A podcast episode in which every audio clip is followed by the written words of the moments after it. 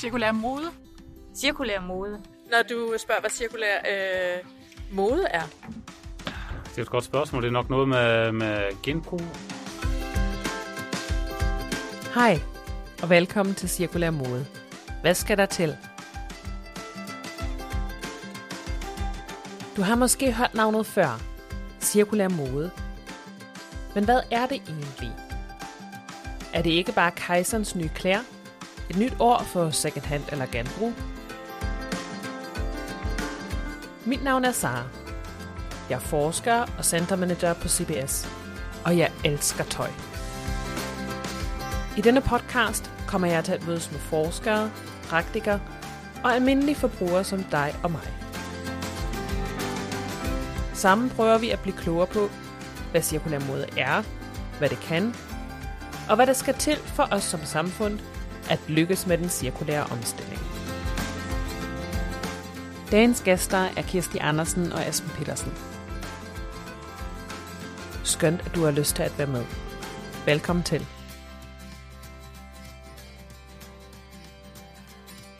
Men, men jeg begyndte at bruge øh, reshopper mere øh, i forbindelse med, med mit barn, altså mit lille barn. Øh, fordi det er jo en, en hjemmeside, som er målrettet mødre og, og deres børn, primært mindre børn. Øhm, og det er jo super smart, fordi at øh, altså de her små børn, de ændrer sig meget hurtigt og ændrer, øh, altså det er meget forskelligt, hvad det er, de, øh, hvad de har behov for. Hvorfor egentlig en podcast om cirkulær mode? Vi er mange, som er enige i, at cirkulær økonomi er en vigtig brik i fremtidssikringspuslespil. Men hvordan gør vi det i praksis? Cirkulær økonomi er en kompleks størrelse med mange stemmer og perspektiver.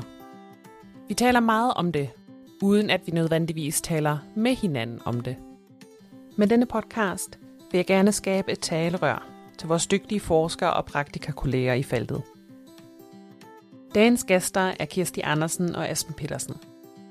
Kirsti og Esben er begge to forskere på CBS har beskæftiget sig meget med cirkulære forretningsmodeller i modekontekst.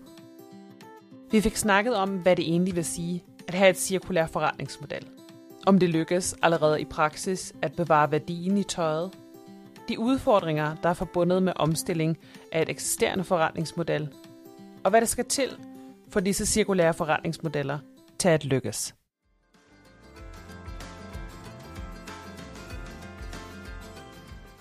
Hej Kirsti, hej Esben, og velkommen til. Jeg er rigtig, rigtig glad for, at I har lyst og tid til at være med i, i denne podcast. Og normalt, så vil vi jo egentlig mødes i gangene på, på Dalgas have, og vil mødes der i et studie og op, optage den her samtale, men det er jo lidt anderledes under de coronarammer, vi nu, nu arbejder under. Ikke? Så lad os gøre det sådan, at øhm, jeg kender jer jo rigtig, rigtig godt, men må jeg bede jer om, at I sætter et par ord på, hvem I egentlig er, og, og hvad I arbejder med?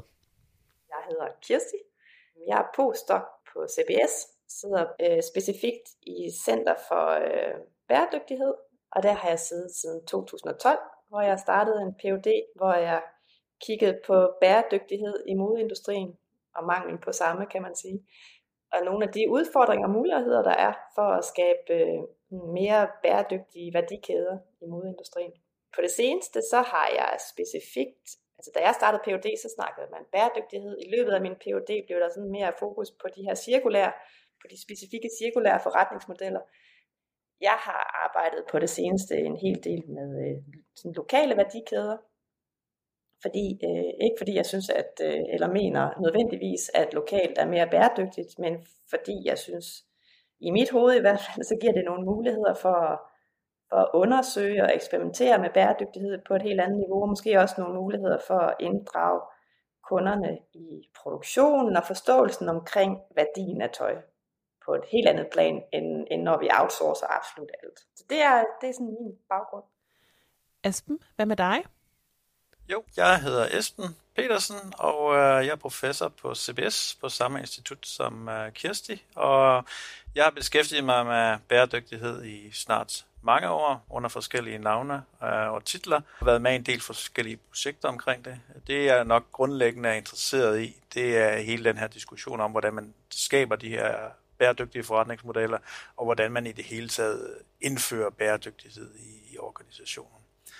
Og øhm, igen årenes løb, så har jeg jo været med i en del forskellige nationale og internationale projekter omkring øh, bæredygtighed og bæredygtige forretningsmodeller.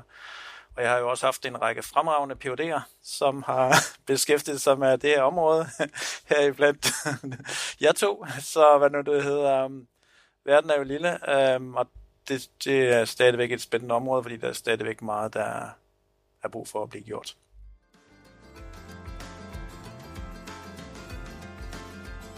Nu har I begge to allerede været ind over det, det cirkulære, og det vi skal tale om i dag, det er jo cirkulære forretningsmodeller. Kan I huske, var der sådan et nøglemoment, hvor, hvor I stødte på det der begreb for første gang og tænkte, hov, det, det lyder ret interessant? Hvis jeg skal starte, så kan man sige, at øh, vi var jo en del af det her mm, um, Mr. Future Fashion projekt, som jo netop handlede om at lave systemiske forandringer i modebranchen. Og øh, i løbet af det projekt, jeg tror endda, det var det første af to faser i det her projekt, der begyndte H&M faktisk at snakke om, at vi nok skulle kigge på, hvad der foregik i Ellen MacArthur Foundation, fordi det var faktisk øh, noget af det, de havde øje på. Um, så det var egentlig der, jeg første gang ligesom blev opmærksom på det, og i starten var jeg sådan lidt, hvad er egentlig det nye her? Fordi man har jo talt om de her vugge til vugge, og alle de her forskellige ting i en del år, men det var som om, at det fik en helt ny energi øh, derfra, ja, øh, midten af, hvad hedder det, 2015, øh, 16 stykker, øh, som det ikke havde haft før.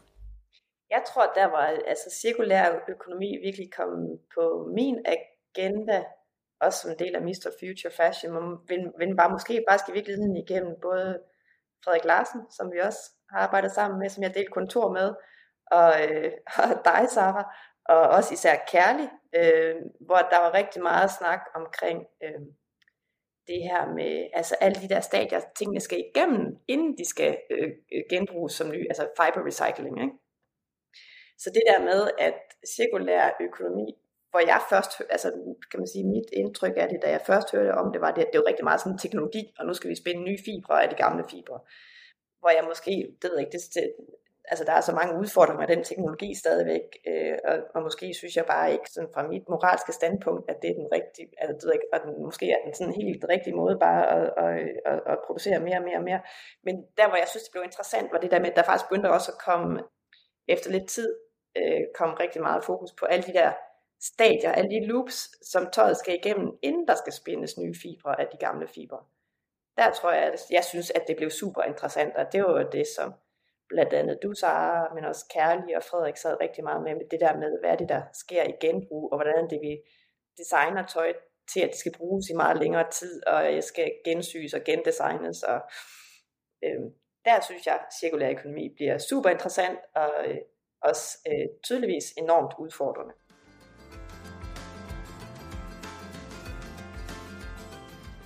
Men hvad vil det egentlig sige at have et cirkulær forretningsmodel? Det er jo det, man kalder et godt spørgsmål, fordi jeg tror ikke, at der er sådan en nalfast definition på det, kan man sige. Øhm, men det handler jo i virkeligheden om netop at, hvad skal man sige, arbejde med at, hvad skal man sige, skabe nogle forskellige loops, som gør, at produkterne får et længere liv, fiberne får et længere liv, øh, at man ligesom definitorisk er det vel også ligesom, at man frakobler hele den der idé om, om vækst med, med forbrug, altså sådan i, i, ideelt set. Øh, men altså, det der nogle gange er lidt en udfordring, er jo, at definitionen af det, og det der kaldes cirkulært, er jo ikke nødvendigvis det samme, kan man sige. Øh, så der foregår jo rigtig, rigtig mange ting, hvor man genanvender fiber, eller har nogle deleøkonomiske øh, øh, initiativer, eller man har en øh, repair café, eller, og alt det falder jo i dag nærmest ind under hele den kasse, der hedder, der hedder cirkulær øh, økonomi eller cirkulære forretningsmodeller. Øh, men jeg tror ikke, der er nogen, der ligesom har taget patent på, øh, hvad det egentlig betyder. Og det er måske også et af problemerne, fordi at det åbner jo en ladeport for, at øh, Øh, at folk kan definere det, som de vil. I virkeligheden er det lidt det samme som med bæredygtighed, hvor der jo ikke rigtig er nogen, der sådan er for alvor har ligesom sat sig igen og sagt, at hvis, hvis, hvis de ikke lever op til de her kriterier, så skal I holde op med at kalde det bæredygtighed. Der har jo været nogle sager med det, faktisk her for nylig, hvor, der, hvor man rent faktisk har udfordret nogle af virksomhederne med deres krav om bæredygtighed, øh, om det overhovedet holder vand. Ikke? Men det, det ser man egentlig ikke øh, inden for cirkularitet. Øhm, nu vender jeg lidt tilbage til en artikel, som øh, Esben og jeg skrev sammen med Rebecca Early fra, øh, fra London, fra Textiles Environment Design. Øh, men omkring, hvor jeg synes, det, og den her artikel tager udgangspunkt i et eksperiment, hun har lavet med, en svensk, med et svensk modebrand. Men det her med, at hvis du skal have cirkulære forretningsmodeller til at fungere, så er der måske ikke, eller så er måske ikke længere tale om én forretningsmodel, men mange forretningsmodeller, og det her, som er super essentielt, og som jeg tror øh, rigtig mange kæmper med, det her med, hvordan er det, du bevarer værdien i, i, i det enkelte produkt, sådan at den ikke, altså fordi man kan jo sige, på sin vis, så har du også cirkularitet i dag, hvis cirkularitet handler om, at vi skal bruge det sådan af flere omgange, fordi skal man sige, så har du et stykke tøj, så bliver den måske øh, solgt en gang, og så øh, bliver den til noget øh, fyld i et bilsæde, og så bliver den måske afbrændt op til. Altså, det, er måske, det er vel også en form for cirkularitet, hvis det handler om, at det skal bruges i flere omgange. Men hvordan er det, du und... altså i en optimal verden, sådan som jeg ser det, så skal den jo ikke miste værdi, og i hvert fald slet ikke så hurtigt, så skal du jo blive ved med, altså det fede kunne der være, og det er der nogle af sådan, altså vintage ure for eksempel, der er nogle af dem, der ligesom øger i værdi, ikke? Tænk, hvis man kunne gøre det samme med tøj. Så du kan producere, producere noget tøj, som igennem de der loops faktisk øh, i hvert fald bevarer sin, sin øh, originale værdi, eller bliver mere og mere værd end da. Altså så er der, der virkelig tale om at begynde at forlænge noget levetid på en måde, hvor at vi ikke bare bliver ved med ligesom at downcycle, men rent faktisk øh, kan øge værdien af de produkter, vi får skabt oprindeligt man kan sige, noget af det, der er fokus i den artikel, som du jo siger, er, at man skal forsøge at bevare så meget værdi som muligt til næste led, fordi ellers stopper det logisk der. Altså, det er jo lidt det samme, man ser med nogle af de her um, uh, online-platforme, hvor du jo en meget, meget lille del af det tøj, uh, der findes, bliver bragt til den platform, simpelthen fordi, at det er ligesom kremen et eller andet sted. Alle de, dine billige produkter og sådan noget, de, de har ikke en chance for at blive solgt på de der platforme, og det vil sige, der er jo ikke noget værdi tilbage, som nogen er interesseret i at sende videre til nogen andre. Um, så i hvert fald en kerneudfordring for, for hvad skal man sige, cirkulære forretningsmodeller er jo netop, hvordan bevarer man værdien, og hvordan får man egentlig virksomheder til at tænke værdi for andre end egentlig dem selv. Øh, også tænke værdi for de næste led uh, i kæden. Men findes der nogle eksempler? Altså er der nogle, nogle virksomheder, der har en forretningsmodel, som, som formår at beholde den der værdi og, og arbejde med de her loops, som I beskriver? Jeg vil have svært ved at nævne en virksomhed, som var sådan, i hvert fald af dem, man ligesom vil kalde et større brand, som vil leve op til, øh, hvad skal man sige, idealet om en cirkulær forretningsmodel. Altså det er stadigvæk meget på pilotplan. Øh, man kan sige, hvis det tætteste er jo måske i virkeligheden nogle af dem, der er med til at skabe betingelserne for den cirkulære øh, forretningsmodel, hvad enten det er nogle af de her øh, virksomheder, som, som står for at sortere, eller om nogle af dem, som, som leverer teknologien til at, til at skabe nogle cirkulære platforme, øh, eller bare står for logistikken. Øh, jeg har svært ved at komme i tanke om et stort brand, som i dag kan siges at have en, en cirkulær forretningsmodel. Det må jeg sige. Men hvis vi kigger på lidt mindre brand, så er der jo altså øhm, nogen, som i hvert fald prøver rigtig meget, det er hollandske mod jeans, som jo øh, i hvert fald, som rent faktisk også bevarer deres egne fiber i egen, altså igennem hele loopsene, så de producerer jeans, øh, som de leger ud. Øh, jeg tror også, de har en model, hvor man så kan vælge at med at købe dem, men har også øh, igennem det der lejesystem fået en ret, øh, faktisk forstået ret unikt at skabe en ret tæt relation med deres kunder sådan at øh, de får både information, der kan informere øh, designet, altså det fremtidige design af deres jeans, øh, og så får de også de her jeans retur, sådan at når de så får dem, når kunderne sender dem retur, øh, så bliver alle jeansene kigget igennem i forhold til, kan de blive solgt igen som et vintage produkt, eller er de i en stand, hvor de skal rent faktisk til noget fiber recycling, hvor de så har en meget tæt samarbejdspartner som Shredder, deres øh, gamle jeans, øh, hvor så tror jeg nu de er oppe på 40% af de gamle jeans bliver ligesom kombineret med en virgin cotton, og så producerer de nye jeans. Så, så de har i hvert fald en, et, kan man sige, en forretningsmodel, hvor de udnytter deres gamle fibre til de nye produkter i, i, i så høj grad, som det er muligt pt. Altså det er da et eksempel på, på, på en virksomhed, som øh, øh, har skabt en form for, for cirkulær forretningsmodel. Så der er også faktisk et ret, det var nogle af mine studerende, som gjorde mig opmærksom på et italiensk brand, som arbejder med, de køber, øh, køber øh, øh, brugte jeans på genbrugsmarkedet, og så har de nogle samarbejdspartnere. Og så tager de de brugte jeans og tager det øh, materiale, og så om, omdesigner det, omsyrer det, det til nogle nye jeans, og så har de så meget design og branding indover, at de faktisk kan sælge de der nye jeans af gamle jeans til, til en rigtig god pris.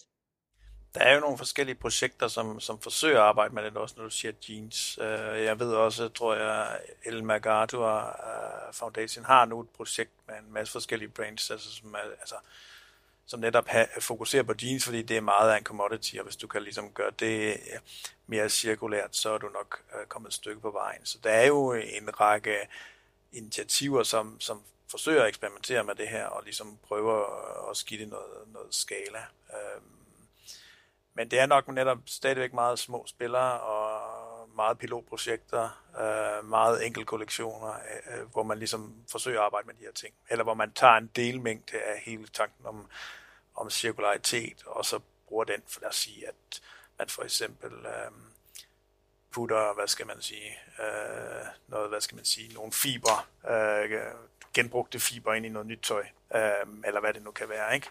Men som ikke nødvendigvis kommer fra din egen kæde. Men hvad vil I sige, hvad er de primære udfordringer, der er forbundet med at omstille et eksisterende forretningsmodel, en lineær forretningsmodel, til et cirkulær forretningsmodel? Jeg tror, der er udfordringer på alle niveauer, vil jeg sige. Altså, der er jo internt i, i virksomhederne, øhm, kan man sige, det kan være, at du er, har nogle meget funktionelle siloer, som gør, at det er vanskeligt at for en bæredygtighedsafdeling og trænge igen til nogle af de andre afdelinger, eller til nogle af de alle brands. Øhm, det kan også være, at der er nogle modsatrettede prioriteringer internt. Øhm, så jeg tror, der er også der er mange ting internt, som gør det svært at ligesom, hvad skal man sige, indføre bæredygtighed og cirkularitet. Øh, så har du hele udfordringen omkring øh, din leverandørkæde og også øh, videre i distributionsled og kundeled og forbrugerled, øh, hvor der jo igen ikke er ligesom nødvendigvis fælles fodslag, når det gælder, når det gælder cirkularitet og bæredygtighed. Og så har du jo selvfølgelig sådan de mere overordnede systemiske forhold. Altså hele den her diskussion om, hvordan laver, prøver du at lave cirkularitet i et system, som er lineært. Øhm, altså mange af de tiltag, man, man forsøger at sætte i gang, hvad enten det handler om øh, repair eller, eller recycling, eller hvad det nu kan være, de, de har jo den udfordring, at de skal prøve at skabe en forretningsmodel i et system, hvor den forretningsmodel ikke er tænkt ind i virkeligheden. Ja, og så i forlængelse af det, så tænker jeg, at så tror jeg, en udfordring også ligger i, at, at PT så er, virker det som om, at at mange virksomheder ligesom tænker, at, øh, at sekularitet handler om materialevalg, hvilket det også gør, i, men det handler bare om så utrolig meget mere. Øh, blandt andet om, hvordan det er, du designer dit tøj. Altså, du skal jo, pt. så bliver det designet øh, ikke just, altså en del af vores tøj i hvert fald bliver ikke designet til reparation eller gendesign, eller har overhovedet kvaliteten til, at man kan gøre det. Så hvis du skal til at, at, øh, at skabe nogle mere cirkulære forretningsmodeller, så kræver det, øh, at du øh, ved meget mere om dine kunder, end vi gør i dag. Det er sådan nærmest et stort sort hul for mange virksomheder. Og det kræver også, at, øh, at man øh, begynder at tænke på cirkularitet som andet end, end materielle valg, kan man sige. Så du er ligesom ikke, øh, du er ikke helt i mål, hvis du vælger at bruge øh, øh, recycled polyester for eksempel. Men det er jo også svært for mange virksomheder, øh, fordi at de har jo i virkeligheden haft en forretningsmodel, der har virket for dem i mange, mange år. Øh, og på den måde er der jo ikke sådan fundamentalt øh, et brud med de eksisterende ligesom, forbrugermønster. Øh, jeg ved godt, man, har, man tillægger ungdommen meget håb, men jeg er ikke fuldstændig overbevist om, at, øh, at, ikke, der ikke skal mere til, hvis man skal gå imod mere bæredygtig forbrug uh, og mere cirkularitet.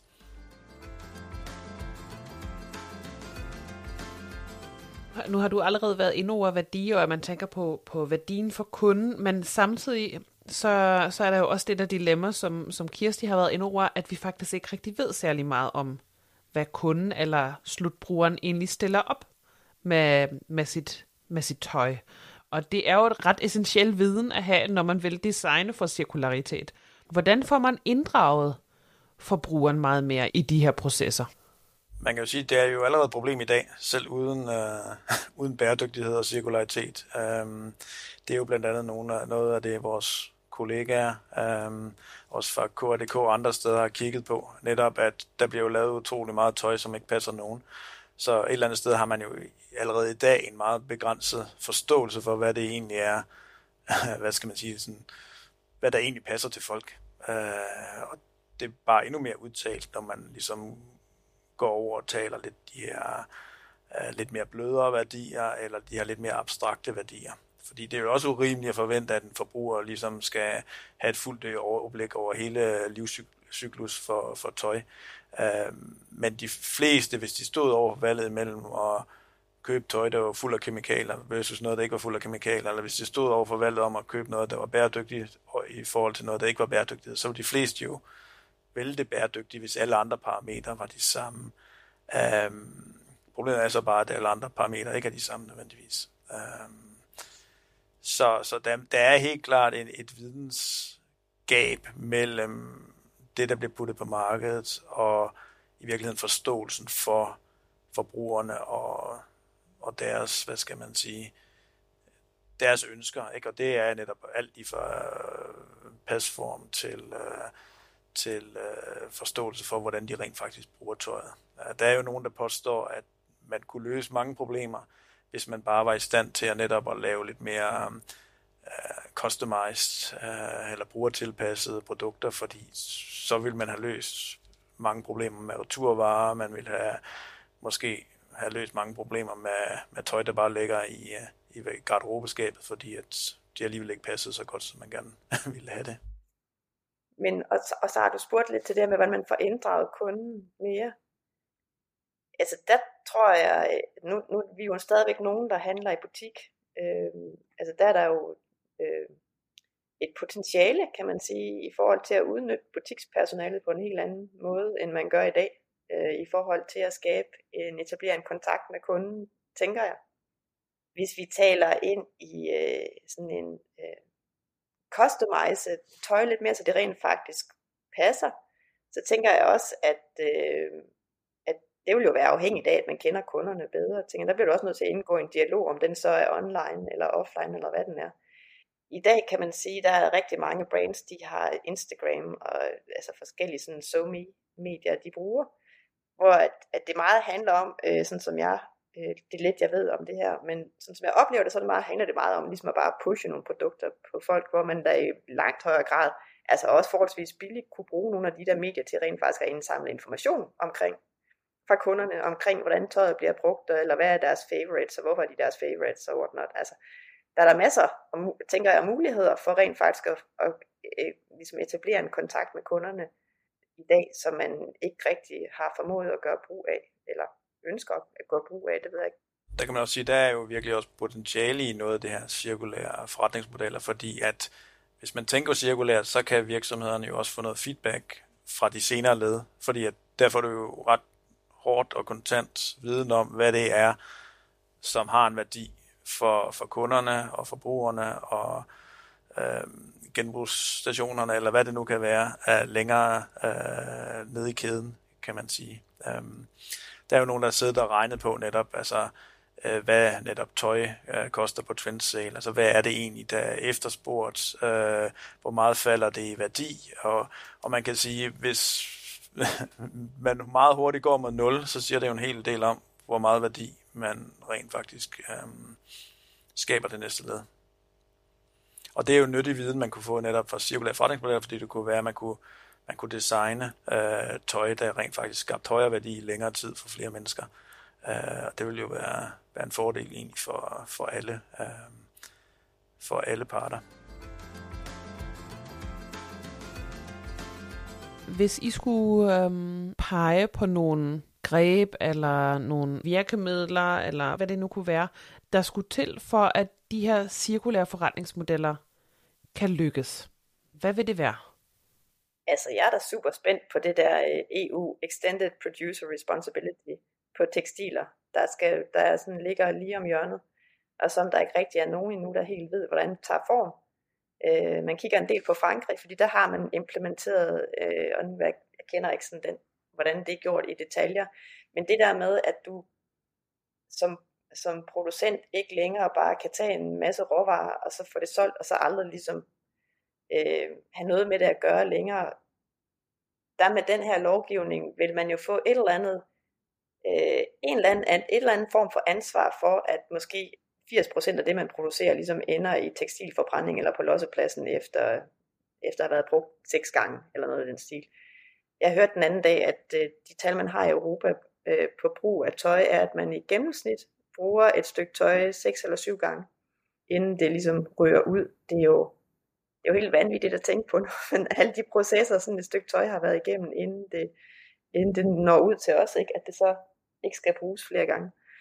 Men jeg tænker, at der sådan en lovgivning kommer der til at skabe et incitament i hvert fald, for måske at tænke sig om to gange, inden man øh, putter noget ud, som man ikke øh, rigtig ved, hvor længe holder. -agtigt. Ja, jeg tror, man skal hele vejen rundt, kan man sige. Øhm, dels er der netop spørgsmålet, som, som Kirsti siger, om hele sådan noget EU-standarder, hele EU-lovgivning. Øhm, det tror jeg helt klart, der, der er en del af det. Jeg kender ikke sådan de finere nuancer i, i den her nye, øh, de her nye regelsæt, og det er nok et spørgsmål også om, hvordan det bliver fortolket i virkeligheden, og hvordan det bliver brugt. Øh, men, men det er ingen tvivl om, det, det, det er en af de veje, man kan gå, fordi at man kan sige meget om Europa, men det er et stort marked. Så hvis der er nogle fælles regler i Europa, så har det også en volumen, der gør, at det vil tvinge rigtig mange, der gerne vil være på det her marked, til at tænke nogle af de her, uh, de her ting. Men, uh, men jeg tror også, virksomhederne selv uh, må gå sammen og, og lave øh, nogle, nogle indsatser, øh, og simpelthen hæve baren for det, øh, fordi ellers kommer det ikke til at ske. Øh, jeg vil ikke, øh, men det er så min egen, øh, hvad skal man sige, fordom. Jeg vil ikke, hvad skal man sige, feste alt for meget lid øh, til forbrugerne, fordi at de er alle sammen individuelle, øh, og de har ikke, hvad skal man sige, en samlet stemme. Øh, jeg tror, der vil være en stigende efterspørgsel til efter det, men der vil også være en lang række udfordringer, der gør, at i det daglige er det simpelthen svært for dem at finde rundt i den jungle, der hedder bæredygtighed og cirkularitet og alle de her ting. Um, så jeg tror, det bliver nødt til, man bliver nødt til at hæve baren helt generelt. Det bliver man nødt til fra lovgivningsside, og det bliver man nødt fra, fra erhvervsside. Det er der, det skal komme fra. Altså, det er jo svært at spå om fremtiden. Man kan sige, at ja, altså, man, kan ikke, man skal ikke være overoptimistisk, men man skal måske heller ikke være overpessimistisk, om man kan sige, at vi er langt fra at have de her cirkulære forretningsmodeller, men man, man må også ligesom anerkende, at der, der er rigtig mange initiativer, som, som foregår, øh, og der er et stigende fokus på det her område, så øh, jeg tror ikke, der er nogen tvivl om, at det får stigende fokus øh, i fremtiden. Øh, i, i hvad øh, form man nu kan tænke sig det. Øh, men så, så hvad skal man sige, det er ikke for, jeg synes ikke, man skal tale det ned, eller sige, at det her kommer aldrig til at ske, eller at forandringen aldrig kommer, fordi at der investeres i det her, øh, og hvornår man ligesom får det her tipping point, det ved jeg ikke. Øh, men øh, men der, der arbejdes på det. jeg synes også, det, det faktisk er vigtigt at sige, at, at når vi taler både bæredygtig og cirkulær modeindustri, så er det ikke fordi, det skal være kedeligt. Altså, vi skal jo stadigvæk have mulighed for at udforske og være smukke og udtrykke identitet igennem mode. Det er, altså, det er jo ikke et spørgsmål om, at vi alle sammen skal gå rundt i noget, der ligner det samme, eller noget i den retning, men det er jo et spørgsmål om, at vi skal måske have genskabt på en eller anden måde, eller skabt et nyt modebillede, altså der ikke måske er helt så øh, fokuseret på en bestemt kropstype, og at vi skal, du må ikke have den samme kjole på mere end en gang, agtigt. Så, så, øh, så den der med også at få, øh, jeg tænker den forandring også ligesom er afhængig af, at vi får skabt et andet modebillede på en eller anden måde. Ikke at det skal være kedeligt, det er slet ikke det, det snakker om, men, men måske i virkeligheden plads til mere diversitet. Jeg vil også sige, at nogle gange så er der sådan en tilbøjelighed til at tale om uh, cirkulær uh, forretningsmodel uh, sådan i ental, og måske er det jo i virkeligheden, man skal tænke på det altså i flertal, som vi også har skrevet om i den her artikel. Fordi måske er det i virkeligheden et patchwork af forretningsmodeller, der gør, at den ene cirkulære forretningsmodel kan virke. Så det kan jo være, at du skal sælge øh, noget tøj øh, netop igennem sådan en leasingordning, noget andet skal du sælge øh, via konventionelle kanaler. Det kan være, at du skal indgå samarbejde med nogle designskoler om, øh, om at lave nogle kollektioner. Det kan være, at du skal øh, sælge noget af din viden øh, til nogle erhvervsorganisationer. Det kan være, at det ligesom er kombinationen af forretningsmodeller, der til sammen gør, at virksomhedens specifikke forretningsmodel rent faktisk kommer til at fungere. Uh, Kirsti har jo kigget på det i forbindelse med blandt andet hele den her idé om open gardening i sådan en helt anden sammenhæng. Og der var jo næsten ikke en eneste af de her organisationer, som bare Altså, det var ingen af dem, der kunne leve af at øh, så tomater på, på taget af et eller andet højhus. Altså, de skulle alle sammen ligesom kombinere noget uddannelse, noget viden, noget data, nogle arrangementer, events og sådan noget, for ligesom at få den til at fungere. Så jeg tror, øh, det er også meget vigtigt at tænke de her koblinger mellem de her forskellige øh, forretningsmodeller og forskellige samarbejdsmodeller, man kan lave for at få det til at virke.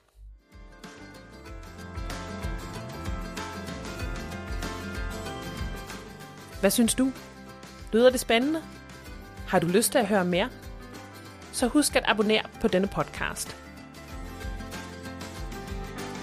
Hvis du har nogle idéer til emner og personer, du synes, vi burde have med i kommende afsnit, så send endelig en mail til os på sustainability